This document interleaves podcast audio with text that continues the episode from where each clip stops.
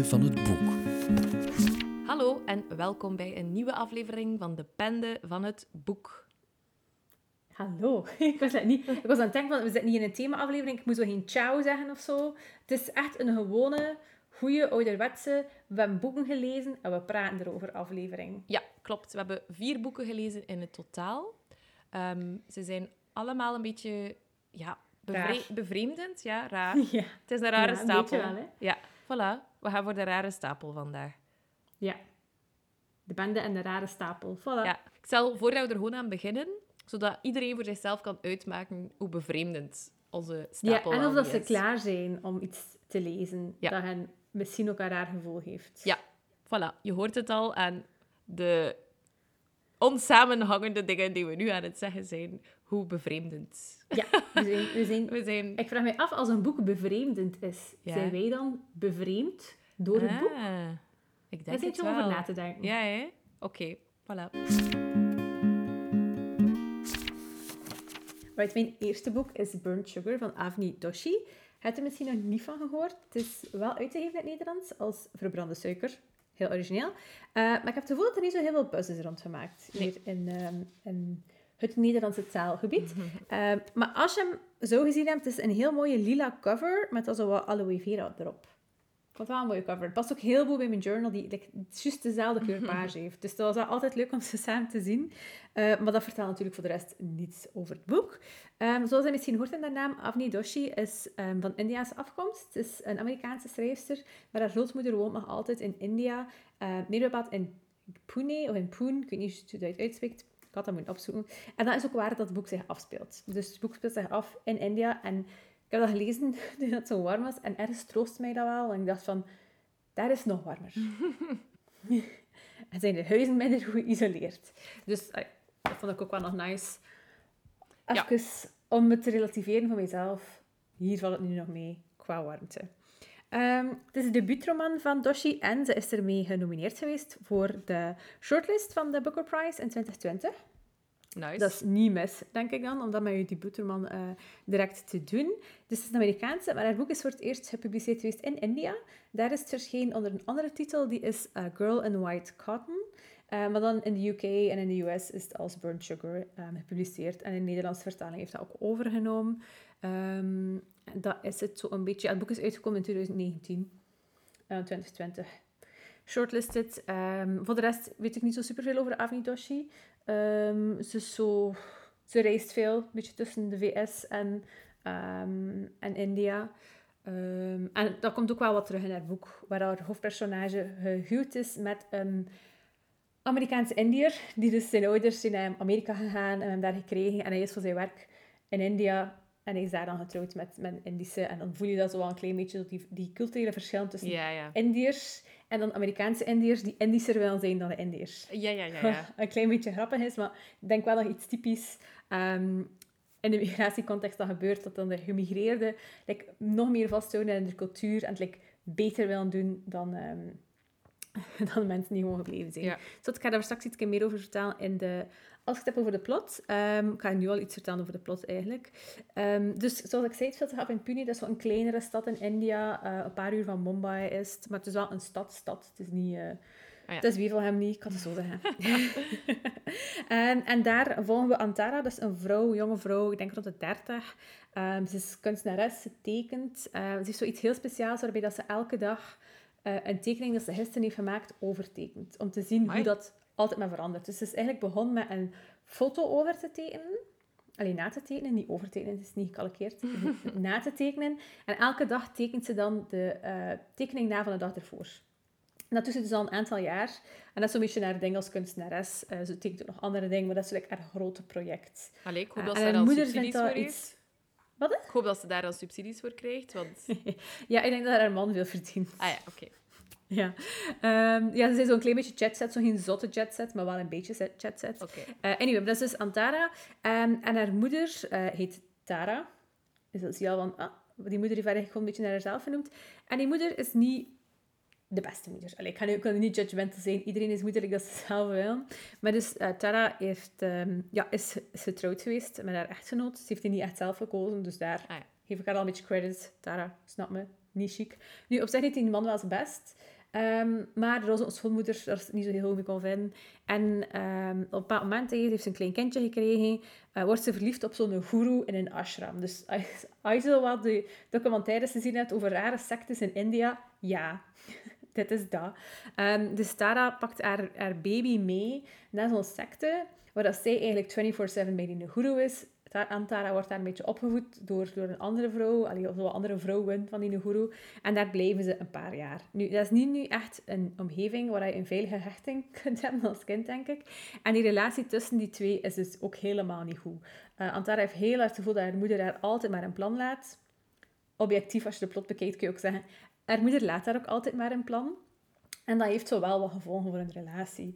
Uh, op bepaalde momenten trekken ze wel weer meer naar elkaar toe, maar eigenlijk doet Tara een klein beetje haar goesting alsof dat ze geen kind heeft. En haar kind niet meer dat wel kwalijk. Ja, ook niet heel onlogisch natuurlijk. Uh, want ze heeft wel bijna heel... Allez, ze heeft soms nog contact met haar vader, maar totaal niet veel. Die vader heeft dan ook op een bepaald moment een nieuwe vrouw. Die gaat ook even in Amerika gaan wonen en zo. Um, dus ja, onveilig gehecht, laten we het zo noemen. Ja. Ehm, dus dat is allemaal in het verleden gebeurd. En nu, um, dus het moment dat het verhaal verteld wordt, um, begint Tara tekenen te tonen van Alzheimer. Dus de moeder uh, begint heel veel te vergeten. en het ding is, maar, omdat die moeder altijd al een beetje een, een waaier is geweest, ja, ze heeft een secte gezien, al die dingen. Dus het is nu niet dat ze de meest rationele beslissing neemt. Heeft die omgeving ook altijd zoiets van, ja, is dat nu wel Alzheimer of is dat nu iets aan lijn ligt met haar karakter of niet? Maar dochter heeft wel zoiets van, ja, ze begint wel duidelijk dingen te vergeten. Allee, het is echt obvious dat er iets aan de hand is. Gaat hij mee naar de dokter en al. En daardoor, ja, haar moeder heeft nooit echt veel voor haar gezorgd, maar nu moet zij eigenlijk voor haar moeder beginnen zorgen. Ja. Maar dat brengt heel veel terug naar boven, dat al gebeurd is in het verleden. Ehm, er komt ook iets naar boven van een man waar haar moeder een paar jaar iets mee gehad heeft. En dan heeft, achteraf heeft dan de dochter die ook nog tegengekomen. Dat komt allemaal zo maar, maar wat later uit. Ehm, en het is gewoon heel moeilijk. Die moeder komt er ook even bij ons hoofdpersonage wonen, maar dan begint ze zo die tekening te verbranden en al. Oh, Ricky loopt hier even rond. Niet verschieten. Dat zijn zijn nageltjes. Ja, ik leg alweer neer. Um, dus een heel moeilijke relatie. En dat begint ook zo een impact te hebben op bijvoorbeeld de relatie van ons hoofdpersonage met haar man. Um, op een bepaald moment beslist ons hoofdpersonage dan ook om een kind te krijgen. Dat ze denkt van, dan heb ik ook iets van mezelf. Misschien niet de beste motivatie om een kind te krijgen. Ik zeg, het moederschap in deze roman is niet exemplarisch, denk ik. Ik ga me er nog niet over uitspreken. Ik moet zelf nog worden. Maar like, met een benchmark, met een baseline, is beter doen dan moeders in dit boek. Um, anyway, dus zij is dan samen met die Amerikaanse man. Die haar schoonmoeder komt dan ook nog even af als de baby geboren wordt. Dus dan zit ze met twee moeders in huis. Plus dan wordt ze zelf moeder. Dus het is heel de situatie is gespannen. Ja. Ik ga het zo zeggen. En op een duur ben je zo een beetje... Dus die, die, um, een van de thema's van dat boek is ons geheugen, maar ook hoe dat herinnering altijd kan veranderen. Ja, ja. Het is niet omdat iets één keer gebeurd is, dat onze herinnering daarvan vast ligt. Dus eigenlijk is het alsof dat ze, zeker Tara en Antara, die twee constant in een soort van onderhandeling zijn over wat is er nu gebeurd. Ja. Want iedereen herinnert zich ook op een andere manier. Die moeder begint ook herinnering kwijt te gaan, herinnert haar plots andere dingen. Um, haar man ja, heeft ook maar allemaal van horen zeggen. Nee, je weet op duur ook niet meer wie moet ik hier geloven. Mijn, mijn schoonmoeder, die een beetje zot aan het worden is. Allee, die, die niet zot aan het worden is. Dat wordt al een paar keer gezegd van she's going mad. Maar op zich, ja, ze is van Alzheimer. Uh, moet ik haar geloven? Moet ik mijn vrouw geloven, die hier stijf loopt van de hormoon en die misschien ook een klein beetje ja, ja. bevoordeeld is daardoor. Uh, en op duur begint ons hoofdpersonage ook aan haarzelf te twijfelen. Van, wat is er nu echt en wat is er nu niet echt? En dat, is wel zo, dat kan wel zo'n beetje onder je vel krijgen. Dus je denkt van, amai, ja, zijn dit allemaal verschillende personages? Is het misschien gewoon één personage die er alles inbeeldt? Ah, ja. Wat is er nu echt gebeurd? Um, dus dat is wel um, een beetje crazy. Ik ga misschien gewoon nog de opening line meegeven van de roman. Mm -hmm. Die zo al een klein beetje de toon zet voor de relaties okay. tussen onze personages. I would be lying if I said my mother's misery has never given me pleasure. Oké, okay. ja. Ja, en het ding is, ze zien elkaar wel graag. Hè? Dat, is ja, Niet, dat is niet het probleem. Ze zien elkaar wel echt graag. Maar ze doen elkaar ook wel echt zeer. Ja. Ehm, en ze voelen zich ook heel gekwetst door elkaar. terwijl het niet altijd de bedoeling is geweest. Dus ja, het is typisch ook een roman van... Is, is de verteller is zij betrouwbaar of niet? Ik denk het niet. Maar de andere personages zijn ook allemaal niet betrouwbaar. Dus ik is zo'n boek dat ik denk dat iedereen er iets anders uit gaat halen. Ja, ja, ja. En wel een keer een interessante invalshoek. Het is zoiets dat je... Allez, dat als, qua thema voor verhaal hoor je toch nog niet vaak zo van dat geheugen en het spel daarmee. Want als ik... Als je denkt, als je bijvoorbeeld met je, zus of zo aan, aan iets terugdenkt van vroeger, heb ik ook al gehad dat mijn zus zei van, "Maar, dat was toch niet zo, dat was op die manier en die manier. Zo, Yep, ja, Ja. ja. Ja, zeker. Zeker, en ik denk dan dat dat misschien tussen, moeder, allee, tussen ouder en kind nog Ja, veel ja, meer kan zijn. Want ja, een kind beleeft dingen sowieso al op een heel eigen manier. Eh, dat zit ook heel ver. Als volwassene heb je daar like, al iets meer grip op. Maar ja, als kind, ja, wat herinner je je van toen je kind was? Het geluid van de crèmekar. Allee, ja. Mooie herinneringen aan. maar eh, ja, nee, dat is waar. Het is, is echt ehm, het is iets om over na te denken. alright. Dan eh, kies ik eh, als eerste van mijn twee boeken Moederland. Gezien het thema van de, de mama's eh, is dat misschien de logische om eruit te halen. Moederland van Charlotte Perkins Gilman. Het is eigenlijk een boek dat al gepubliceerd werd in 1915. Maar Amai. ja, uitgeverij Karakters die brengt nu een aantal, ehm, hoe zeg je dat, oude boeken uit die ten onrechte niet zijn opgepikt of zo. Dit is er dus eentje van. is verschenen in april van dit jaar. Ik ga eerlijk zijn, ik kende haar niet. Maar ze wordt wel een beetje beschouwd als een van de belangrijkste en eerste feministische schrijvers. Ze wordt een beetje de tweelingzus, de Amerikaanse tweelingzus van Virginia Woolf genoemd. Ze borduurt een beetje verder op eh, onder andere Simone de Beauvoir en Iris Murdoch. Charlotte eh, Perkins Gilman was ook socioloog. En ze noemde zichzelf ook een humanist. Eh, dus zij ging ook vaak lezingen geven over eh, de sociaal-economische positie van de vrouw. En eigenlijk is dit boek een soort bundeling van heel wat van haar opvattingen en haar eh, ideeën. Eh, ze deed dat vaak. Eh, ik denk dat het logisch is als dat je job is en je schrijft dan een roman of romans, dat je ook die ideeën daarin laat doorschijnen. een ander boek van haar is Het Gele Behang. En samen met Moederland is dat zo'n beetje de twee bekendste boeken van haar. Ik heb ze allebei nog nooit over gehoord. Ik eigenlijk ook niet. Maar die ideeën, ook al is het een boek uit 1915, zijn wel heel hedendaags eigenlijk. Het gaat heel vaak over... Ja, het heet Moederland, dus zal u niet verbazen dat gaat over moederschap. eh, maar ook de visie van de man op de vrouw. Het gaat uiteraard over vrouwen in, in die tijd, maar sommige dingen zijn nog helaas altijd zo. eh, hoe dat wij ons eigenlijk gedragen, louter op basis van de visie van een man. Eh, ik ga misschien een stukje voorlezen om dat concreet te maken. Er zat wel wat in Terry's kritiek. Ik zal straks vertellen wie dat Terry was. Deze vrouwen, wier cultuur beheerst werd door de essentiële waardigheid van het moederschap, schoten opvallend tekort in wat bij ons vrouwelijkheid wordt genoemd. Dit bracht mij al te gauw tot de overtuiging dat die vrouwelijke charmes waar wij zo dol op zijn, helemaal niet zo vrouwelijk zijn, maar eerder een weerspiegeling van onze mannelijkheid, ontwikkeld om ons te behagen en op geen enkele manier essentieel bij de grootste ontwikkeling van deze vrouwen. Maar Terry kwam niet tot deze conclusie. Dus waarover gaat het boek nu eigenlijk zelf? Het gaat over drie avonturiers. Eentje daarvan is die een Terry, die gehoord hebben van er is een land met enkel vrouwen. En natuurlijk willen die hè, als jonge mannen dat land gaan ontdekken. Het is eerder zo wat een mythe. En de, het tweede deel van de mythe is, als je, er, als je het ontdekt, dan kom je nooit meer terug. Dus er zijn al zo gezegd een aantal mensen geweest die het hebben ontdekt, maar nooit meer zijn teruggekeerd. Die drie mannen vinden moederland wel. Ze gaan met een vliegtuig, storten ze min of meer bijna neer en ze hebben dit gevonden. En ze worden eigenlijk gevangen genomen door die vrouwen. En eerst denken ze van, gaan die vrouwen ons nu gevangen nemen? Allee, ze lachen er zo'n beetje mee.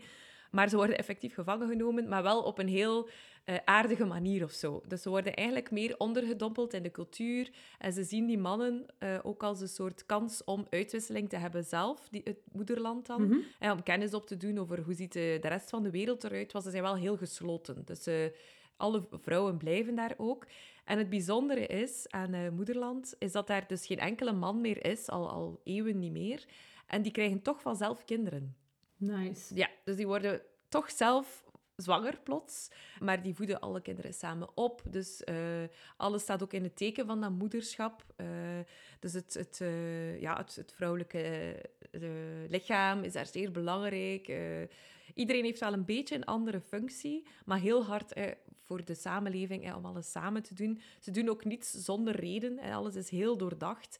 Ehm, dus sommige vrouwen houden zich vooral bezig met ja, de, de, het land, hè, de, maar dan niet gewoon een moestuin, maar echt alles. Hè, de bomen ook, het bos. Uh, zo begint het, hè, als het vliegtuig is neergestort, van amai, we hebben nog nooit zo'n groen bos gezien waar alles precies allez, vrij op elkaar is afgestemd enzovoort. Dus het gaat enerzijds daarover, dat, dat avonturiersverhaal, waarin dat er dan tijdens die gesprekken, waar dat zij als gevangenen dan uh, kennis delen hè, met die vrouwen, dat zij eigenlijk kritiek geeft uh, als schrijfster dan op uh, de, de ja, westerse samenleving. En waarin dat ze uiteraard ook laat doorschijnen van hoe dat het wel zou kunnen. Hm. Ehm, maar ze erkent ook wel de, de nood of de, de gebreken aan, aan het systeem.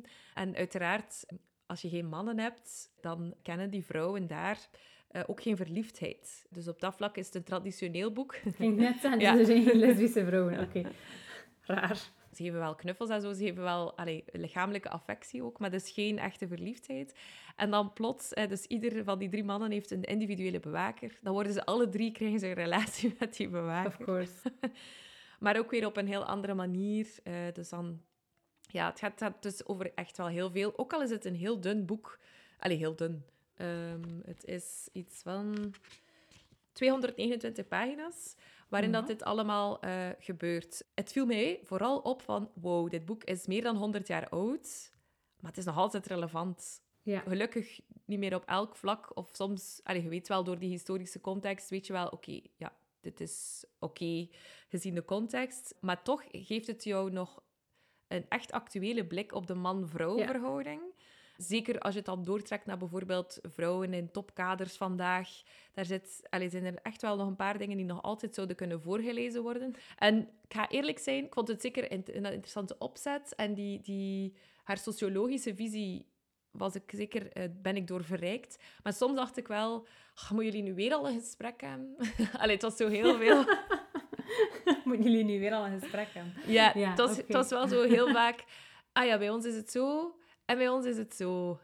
Ah ja, wauw. Allee, zo. ja, ja oké, ik snap wat je bedoelt. Ja, voilà. Maar uh, ik vind een mooie keuze van karakters om dat te doen. Ik vind dat sowieso een goed idee. Het is niet omdat een boek 100 jaar oud is en toen geen mega succes is, dat dat nu niet uh, hoeft heruitgegeven te worden. Mm -hmm. Dus op dat vlak um, ja, vind ik het wel een interessant boek om te lezen. Voilà. Alright, cool. Uh, wacht, ik heb ook nog een boek. En dat is ook een beetje een specialeke. Um, het heet De Jacht op het Snoekje. Ja. En de titel was voor mij al genoeg om te zeggen, oké, ik ga dat lezen. de cover is ook zo, het is een witte cover met dan zo een blauwe uh, tekening. Um, van een snoek. Van, van, een, van een snoek, ja. ja. Uh, het is een Fins boek. De auteur is Juhani Karila. Ons bekend van niets werkelijk, want ja, dat is een fan. Ik, allee, ik heb nog maar één ander Fins boek gelezen, dat hij me er wel aan denken. Uh, en dat was um, de man die de taal van de slangen sprak. Ah, van, ja, ja, ja. Uh, en ook opnieuw zo'n onuitspreekbare Finse naam. Laat het ons uh, daarbij houden. Laat ons daarbij houden. Um, maar dus, het is, het is wel een, een boeiend boek. Ik weet niet of dat die twee boeken dat ik nu gelezen heb een representatief stijl van de Finse literatuur zijn. If so, Finse literatuur is heel bijzonder. ik kan me alleen maar voorstellen, als de Fin zo een Vlaams boek in hand krijgen, dat ze denken, amai, dat is saai. Er gebeurt, dat, er gebeurt niets. Er, er zijn geen dieren die spreken, er zijn geen mythologische monsters, er is zelfs geen moeras. Waarom is er geen moeras? Ik zal het zeggen, door, de beton, uh, door beton en drooglegging, ja. jongens. We zouden graag meer moeras wel. Anyway, Finse literatuur, iets heel bijzonders. Johanni Kalila is eigenlijk een journalist. Um, ik heb niet echt iets teruggevonden over een ander boek van hem, maar hij heeft wel een keer de J.H. Erco Award gewonnen met een tekst. Stond er op het internet. Oké. Meer weet ik niet. Maar met de jacht op het snoekje heeft hij ook nog een paar andere Finse prijzen gewonnen dat ik allemaal niet ken, zoals de Kalevi Yenti-prijs, de Teti, de Teti Fantasia-prijs en de Jarko Lijne-prijs. Ik weet wel dat de roman verschenen is in negen landen. Het is onder andere ook oh. verkocht in Frankrijk. Frankrijk heeft ook iets met Finse literatuur. Want mijn andere Finse boek dat ik gelezen heb, was daar ook echt een hit. Okay. Ik weet niet hoe dat komt. Misschien omdat alle twee begint met een F. Ze zitten dicht met elkaar in het Eurovisie Songfestival of zo. I don't know. Maar Fransen en Fin, het is een ding. Anyway, Die Jacht op het Snoekje is een recent boek. Ik denk dat het dit jaar is verschenen zelfs. Um, en het is ideaal, vind ik, om in de zomer te lezen. Het, is, speelt ook af tijdens de zomers. Um, ik denk zelfs sinds Midsommar dat is. Ben ik niet helemaal zeker, maar ik denk het wel. En eh, het speelt zich af in Fins Lapland. Nu, bij Lapland denk je waarschijnlijk vooral aan sneeuw, Kerstman? en rendieren en de kerstman, inderdaad. Nee, allemaal niet aanwezig in dit boek. Het speelt zich af in de zomer en daar kan het dan blijkbaar vrij warm worden in Lapland. Hmm. En dat wordt ook heel gedetailleerd beschreven. Want het is, het is dat, zoals ik zei, moerassig, warm, muggen, bloedzuigers, vliegen. Echt alles wordt beschreven over hoe ze als personage, als hij zo like, de natuur intrekt, helemaal moet zo... Like, ja, Date. ja, het is echt vrij veel precautions moet nemen en dan nog overal beesten. Dat is Ja. al één iets dat ik kan weggeven in het boek. Overal beesten. Eh, het heeft mij niet verleid om naar Lapland te gaan. Toch zeker niet in de zomer. Ehm dus dat, dat terzijde. Dus ons hoofdpersonage heet Elina Iliako. Mooie poging. Ja. Waarschijnlijk zeg je, spreekt het helemaal anders uit. Waarschijnlijk heet ze gewoon like, Jip Verstraten of zo. I don't know. Maar dus, ik spreek het voorlopig uit als Elina Iliako. En zij woont eigenlijk in het zuiden van Finland. Maar om een of andere reden moest zij elke zomer terug naar haar geboorteland in het oosten van Lapland. Het geboortedorp. Ehm, en moest zij daar in het moeras een snoek gaan vangen. Oké. Ja, dus het begint al vrij mysterieus. Maar je hebt zoiets van, why? Waarom moest hij daar een snoek gaan vangen? En in het begin denk je nog van, dit is misschien een soort van rationele reden waarom ze dat moet doen. Nee. Proviant aanleggen. Ja, het heeft een snoek nodig om op te eten. I don't know. Maar dat begint al, ze komt daartoe, dat wordt zo ja, heel hard beschreven. Het deed mij zo'n beetje denken, de beschrijving aan True Detective, en zo'n beetje dat wereldje. Ja, ja, ja. Warm en zo'n beetje verlaten. En de mensen zijn allee, niet allemaal even lief tegen elkaar. Zo'n beetje dat. Maar je hebt ook een beetje een verlaten feel. Ze komt zo toe in Lapland. En ehm, dus ze rijdt eigenlijk over de, de, ja, de autoweg daar naartoe. En op dat moment komt ze dan aan een, ehm, Een slagboom. Een slagboom. Ja, ik ben dat hier aan het een slagboom, inderdaad. En dan zegt die persoon daar van, hé ja, ik ben verplicht om je te melden dat als je vanaf hier verder rijdt, dat je dus niet meer verzekerd bent, la-di-da-di-da. Dus echt wel duidelijk van, oké, ze is echt in the middle of nowhere. Ehm, en maar ze zegt van, ik heb me gehoord, bord dus daar, ik ga daar naartoe. Oké, chill, doe maar. Eh, en ze gaat er dus naartoe. Haar ouders leven allebei niet meer, maar er woont iemand anders in haar ouderlijke huis. Zijn naam is Oehoe, zoals de vogel. Die heeft ook iets met vogels. Het is- een vogelaar. Eh, anyway, die woont daar. Die weet dat zij op jacht is naar haar snoek. Ehm, en ze heeft dus drie dagen om dat te doen. hè. Dus ze vertrekt al op de eerste dag om dat te gaan doen, maar er komt heel tijd van alles tussen. En plotseling verschijnen er ook heel tijd mythologische wezens, maar op een vrij normale manier. Like, niemand maakt daar iets van. Het is echt van, ah, het is daar een niks. Of het is daar een... Het is ook een, een dreumel. Er komt een dreumels. En dan denk ik, wat fuck zijn Ja, ah ja, oké. Eh, ja, Ja, ik dacht al, shit, ik ken dat niet. Nee, Sarah, dat is oké. Ik wist ook niet hoe dat een drummel was. Anyway, dus die, die loopt daar ook allemaal rond. Er worden zo weinig vragen bij gesteld, maar er worden wel zo wat anekdotes verteld over wat dat er gebeurt in het dorp, zodat je ook wel weet van, ah, oké, dus dat dier, ah, dat wezen doet dit. Ja. Ehm, raar, maar ook heel grappig meestal. Anyway, dus onze Elina is daar uh, haar snoek aan het proberen vangen. Die dus dan een niks die zegt, haha, je mag niet, het is midden snoek, trouble. Ondertussen volgen we ook een politieagente, die ook uit het zuiden van Finland komt, en die op zoek is naar ons hoofdpersonage. Zij is niet Laps. Laps, ik denk dat dat dat zegt. Ja, niet laps, ja. Ja. En ze is eigenlijk op, eh, onderweg met een collega van haar, want ze moet Elina spreken over een moord. Oeh. Nu, Lapland heeft blijkbaar een vrij slechte reputatie in Finland. I don't know. Want haar collega, als ze onderweg zijn op hotel, schiet hij gewoon in zijn been, zodat hij niet meer mee moet gaan. Zegt van, ik schiet liever in mijn been Ja. dan dat ik naar Lapland ga. Ja, dus dat schetst de sfeer What? al een klein beetje. ik weet niet of dat realistisch is, of dat Lapland eigenlijk zo de shithole is, of niet. Maar, allee, het heeft wel een klein beetje mee hoe dat daar zit. Ehm, en dus ja, zij komt daar ook toe en zij gaat in dat dorp op zoek naar Elina. Zo leert het dorp ook nog wat meer kennen, zo meer van een buitenstaander, van wat gebeurt er hier allemaal. Ehm, en ja, je komt ook heel tijd wat meer te weten over waarom dat Elina die een snoek moet vangen. Er is ook een liefdesverhaal in, dat eigenlijk de chorus van alles, maar duurt even voordat we daarbij komen. Dus je Ja. moet wel zo door wat het avontuur, moeras, muggen, dreumels, shit gaan. eh, om dan uiteindelijk te komen tot de kern. Eh, maar het, is wel, het wordt wel allemaal mooi samengebracht. Oké. En het is, allee, je hebt het misschien al gehoord, het is redelijk grappig. Ja, ja. Het doet mij ergens, als ik jou zo hoor vertellen, een beetje denken aan Fargo. Ik weet niet of je die serie hebt gezien. Ja, ik heb het eerste seizoen daarvan gezien. En ik denk misschien ook... Dat is ook in een uithoek, hè. Dat is ook Ja. zo'n raar dorp. Het Ja, in een ja. uithoek. Er gebeurt van alles. Mensen kennen elkaar, maar hebben ook zoiets van... Wie zijn wij eigenlijk? Ja, ja. Ja, ik snap het. Ja. Fargo, Fargo meets True Detective meets Kabouters. Ja, Ja. niet kabouters, inderdaad. Eh, dus ik, dat, het is zeker geen boek voor iedereen. Als je zoiets hebt van... Oh, ik haat het als onverwachte dingen gebeuren. Of als vreemde mythologische wezens plots opduiken. Ja, dan zou ik zeggen, begint er gewoon niet aan. Want Ja. dat is het boek. Maar het is tegelijk ook wel een... Allee, het is een boek dat zich wel in het hier en nu afspeelt. Ja. Dus het is niet van... Hé, er was eens lang, lang geleden eh, een prinses en een kikker of zo. Nee, een prinses en een snoek. Dat is niet. Elina leeft ook gewoon. Ze werkt aan, ze werkt aan Tunief.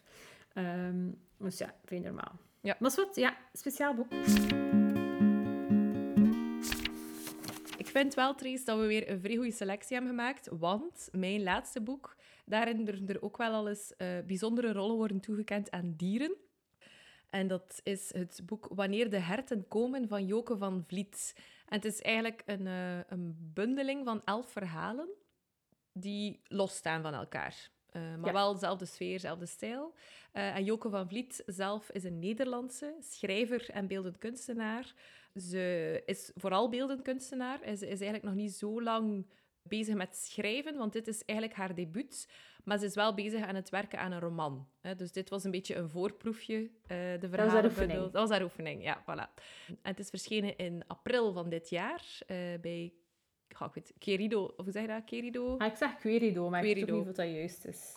Ik wist zelfs niet dat, dat, dat, zo, dat we dat op verschillende manieren kon uitspreken.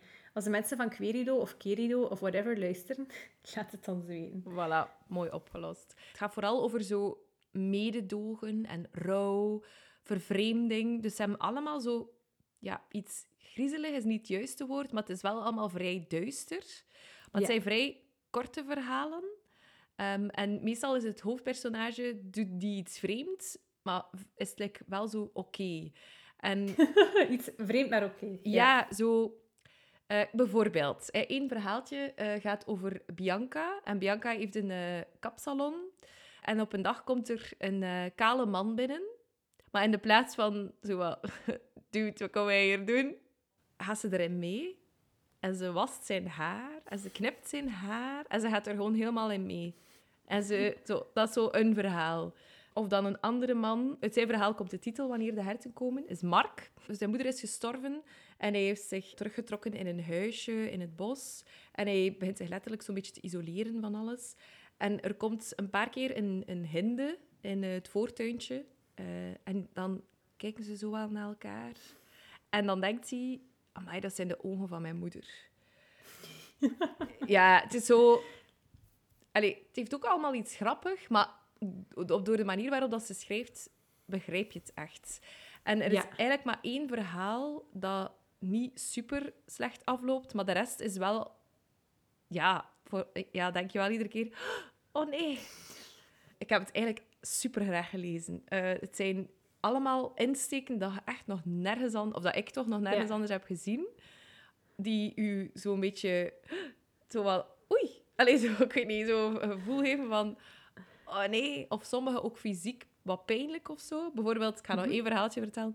eh, is van een, een jongetje en zijn eh, vader is er gewoon niet. En zijn eh, mama heeft dan een, een nieuwe partner en dat is een tatoeëur. Die gebruikt dan eigenlijk dat jongetje als oefenblad. Dus hij oefent zijn tattoos op dat manneke. Ah. Ja, maar die is dus... Ja, hij is echt wel nog heel klein. Maar hij kan, ja, hij kan niet weg. Want ja, het dorp, dat dorp wordt ook mooi geschetst. Ehm, en dan als hij 18 is, ze- allee, kan hij dus officieel wel weg.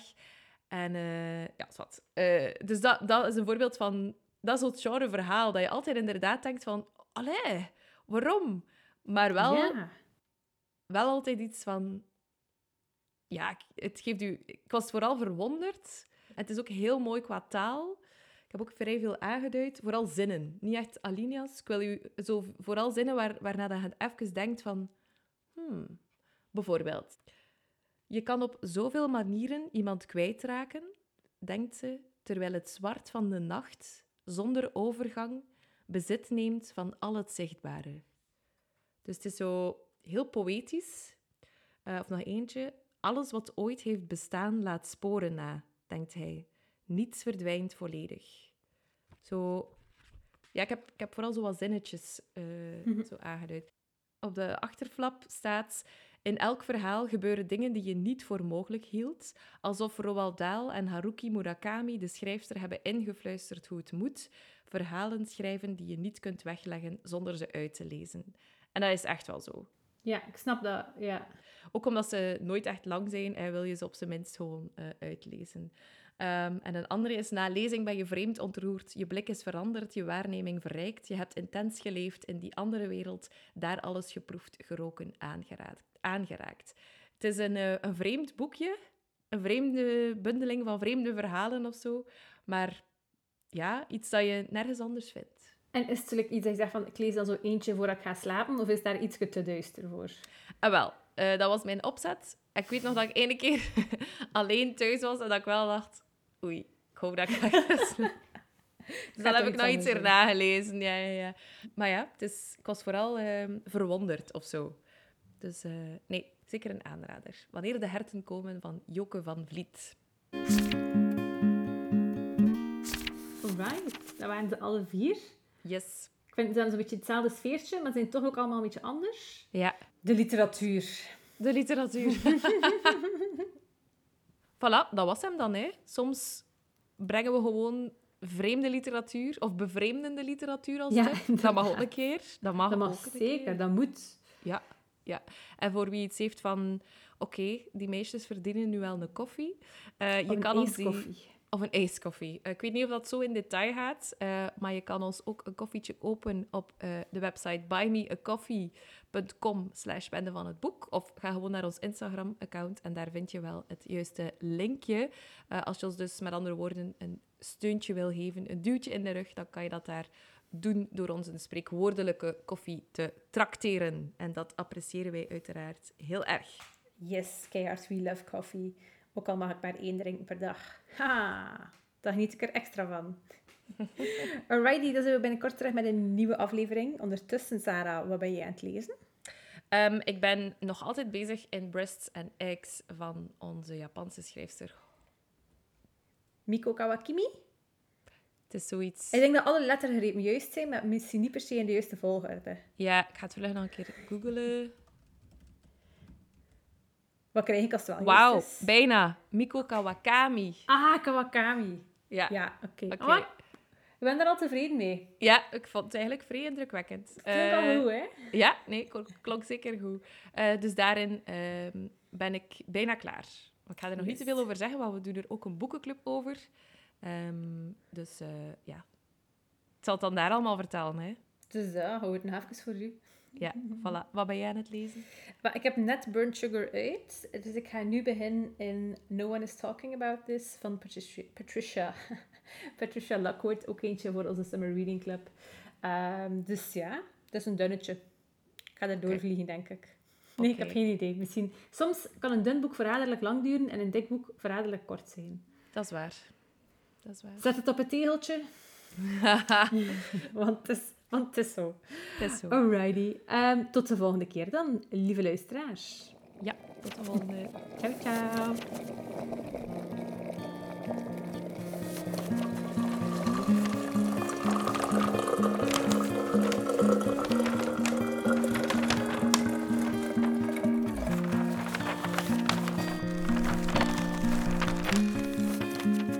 Bende van het boek.